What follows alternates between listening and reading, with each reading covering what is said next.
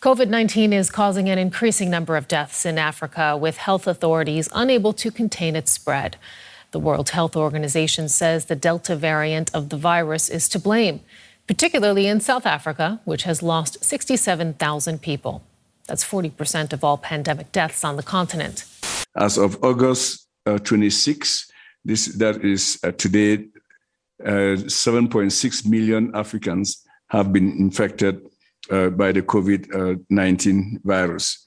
And of that number, uh, about 6.7 million have actually recovered, and this represents an 88% uh, recovery rate. Unfortunately, 191,000 deaths have been reported across uh, the continent. I över ett och ett halvt år har vi matats med coronanyheter från världens alla hörn. Men hur pandemin påverkat länderna i Afrika har det varit ganska tyst om. Rapporterna har mest handlat om den variant av viruset som uppkom i Sydafrika och om den långsamma vaccinationsprocessen på kontinenten. Men hur ser situationen ut för de afrikanska länderna just nu? Hur har den tredje vågen som svepte in i somras påverkat sjukvården? Hur stora mörkertal av drabbade kan det handla om? Och hur har Afrikas ekonomi och skolsystem påverkats av pandemin? Det ska vi prata om i dagens avsnitt av Aftonbladet Daily. Jag heter Olivia Svensson. Vi ska samtala med journalisten och före detta Afrikakorrespondenten Görel Espelund. Hon får börja med att berätta varför Afrika som kontinent inledningsvis var ganska förskonad från corona. Afrikas medianålder ligger på 19 år att jämföra med EUs på 42 år. Kan det vara en förklaring? Absolut, det kan mycket väl vara en trolig förklaring, en förklaring av, av flera stycken. Eh, till de låga smittotalen i början. Och eh, tittar man på liksom Afrika som, som kontinent så är medianåldern väldigt mycket lägre än i Europa. Och ser man till exempel till den folkrikaste nationen som är Nigeria, eh, där är det ytterligare lite lägre, där är medianåldern 18 år och endast 5% av befolkningen är över 60. Och ser man sen till länder med lite högre genomsnittsålder som till exempel Sydafrika, då har man också sett att där har smittan varit lite högre redan från början. Så visst, en trolig förklaring. Och vad har vi då för andra anledningar till att åtminstone då delar av Afrika var ganska förskonade i början av pandemin? Det är många som har tittat på det här och, och det finns ett antal olika orsaker som man har lagt fram. Eh, en är åldern som vi redan varit inne på. En annan kan vara att stora delar av Afrika är mindre exponerat till omvärlden. Det är färre som flyger och reser över hela världen. Ehm, andra förklaringar kan vara att eh, mycket av de dagliga aktiviteterna, särskilt ute på landsbygden, sker utomhus. Ehm, man har pratat om att eh, många afrikanska länder stängde gränserna väldigt tidigt, även om man kanske inte hade några fall, eller bara enstaka fall i det egna landet. Men sen ska vi inte glömma heller att mörkertalen är naturligtvis höga eftersom kapaciteten att testa ofta är låg. Och eh, många av de sjuka som, som vi tror finns där ute når inte fram till sjukhus eller kliniker eh, och en del av dem dör. Den tredje vågen av pandemin har ju dock inneburit en helt annan situation för kontinenten som helhet. Kan du berätta lite hur läget ser ut nu?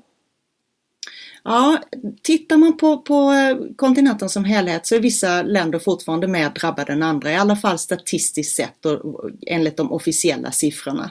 Ser man på en världskarta, då har Afrika fortfarande relativt sett låga siffror jämfört med exempelvis eh, USA eller Europa om man ser till antal smittade per miljoner invånare. Världshälsoorganisationen säger ungefär 6 miljoner konstaterade fall, drygt 130 000 döda och då på ett samlat invånarantal av 1,3 miljarder. Men jämför vi hur det har sett ut tidigare i Afrika så har vi en väldigt, väldigt brant ökning. Och det kommer hela tiden, vecka efter vecka, nya rapporter som säger att talen stiger, antalet smittade ökar och att kurvan går väldigt brant uppför. Om man ser till, till hur många som dör i procent av antalet konstaterade fall, även där så ligger Afrika då något högre jämfört än det globala genomsnittet. Och vilka länder är mest drabbade just nu? Återigen, Sydafrika ligger utan tvekan i topp. Um, av de fall som, som man vet, konstaterade fall av, av döda i covid eh, är ungefär 80 000 sydafrikaner, så det är en väldigt stor del av det samlade dödstalet på kontinenten. Men även andra länder är drabbade, Namibia, Tunisien, Uganda, Zambia, flera stycken. Du var inne på det här mörkertalet, alltså vad gäller sjuka, inlagda och döda. Hur mycket vet vi egentligen om situationen i vissa delar av kontinenten? Du som är en Afrikakännare, alltså hur lätt är det att få tag på information? Det kan vara väldigt svårt. Eh, vi pratar om en kontinent med, med 54 olika länder och eh, även den siffran som jag nämnde tidigare, 6 miljoner konstaterade smittade, den kommer från Världshälsoorganisationen men det finns andra organisationer som säger 5,5. Det finns de som säger 7 miljoner konstaterade smittade. Så även de siffrorna är svåra att bekräfta.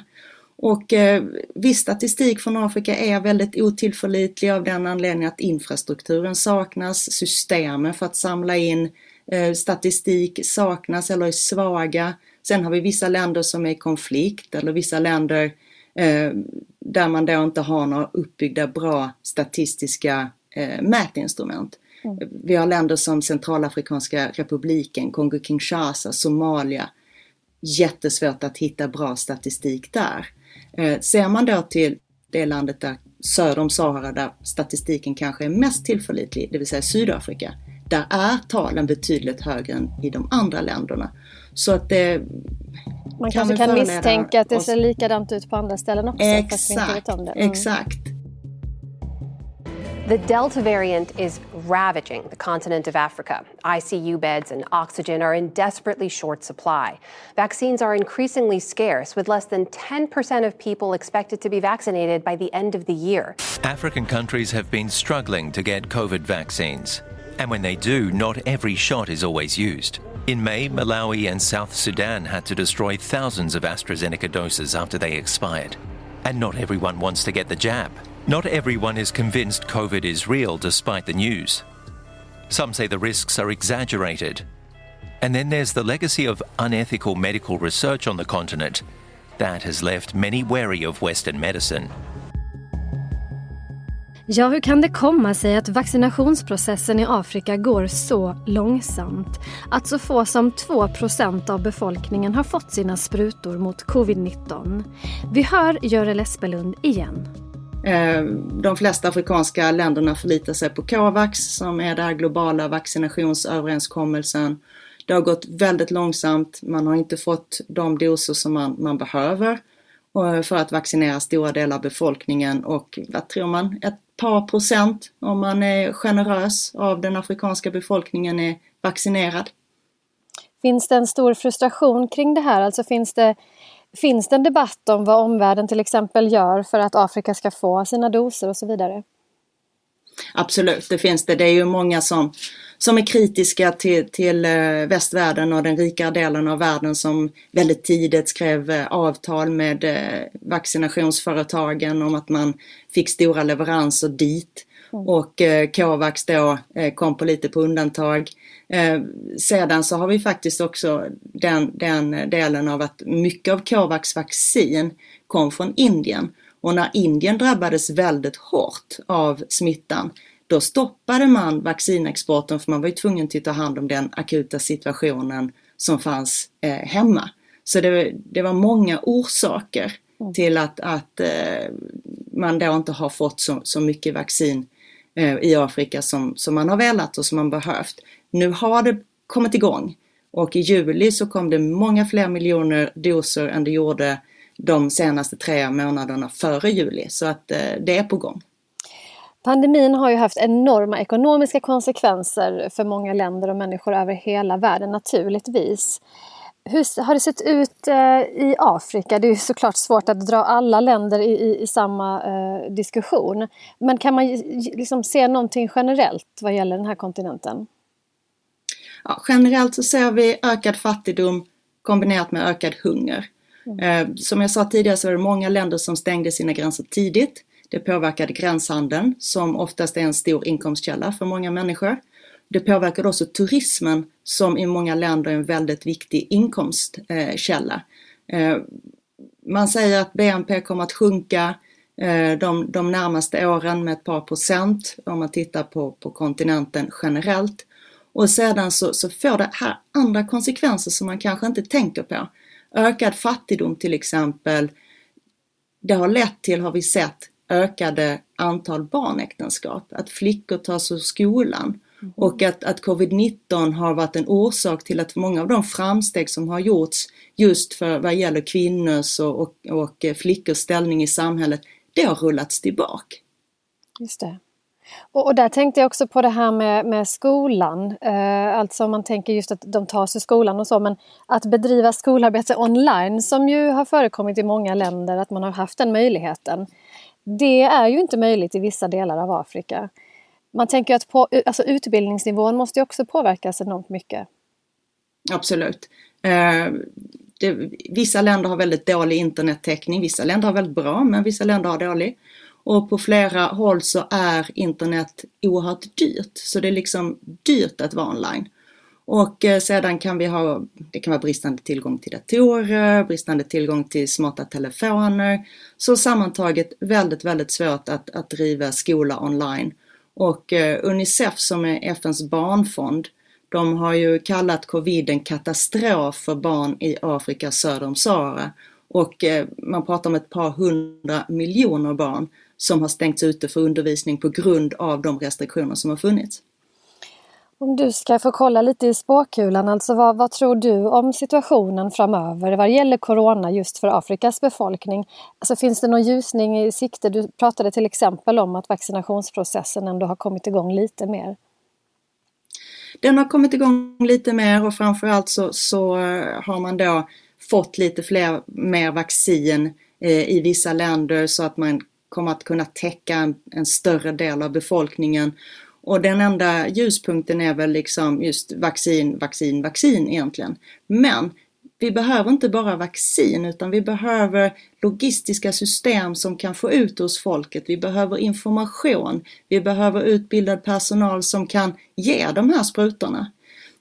Sydafrika, jag återkommer ofta till det, men det är väldigt mycket information som kommer därifrån också för att det finns bra statistik. I Sydafrika har man idag vaccin. Man har mer vaccin än vad man har efterfrågan av vaccin. Och det handlar till stor del om att det är bristande information och det har då lett till en tveksamhet bland befolkningen. Vaccinen är gratis i Sydafrika, men det är inte riktigt alla som vet det. Man har till och med sett undersökningar att, att den som har en bil, alltså ett eget transportmedel, är antagligen mer troligt vaccinerad än den som inte har bil. Eh, så det är inte bara vaccin, det är information, det är logistik och det är kunskap att få ut den här vaccinen bland folken. Sist här hörde vi Görel Espelund, journalist och före detta Afrikakorrespondent. Jag heter Olivia Svensson och du har lyssnat på Aftonbladet Daily. Glöm inte att prenumerera så missar du inga avsnitt. På återhörande, hej då!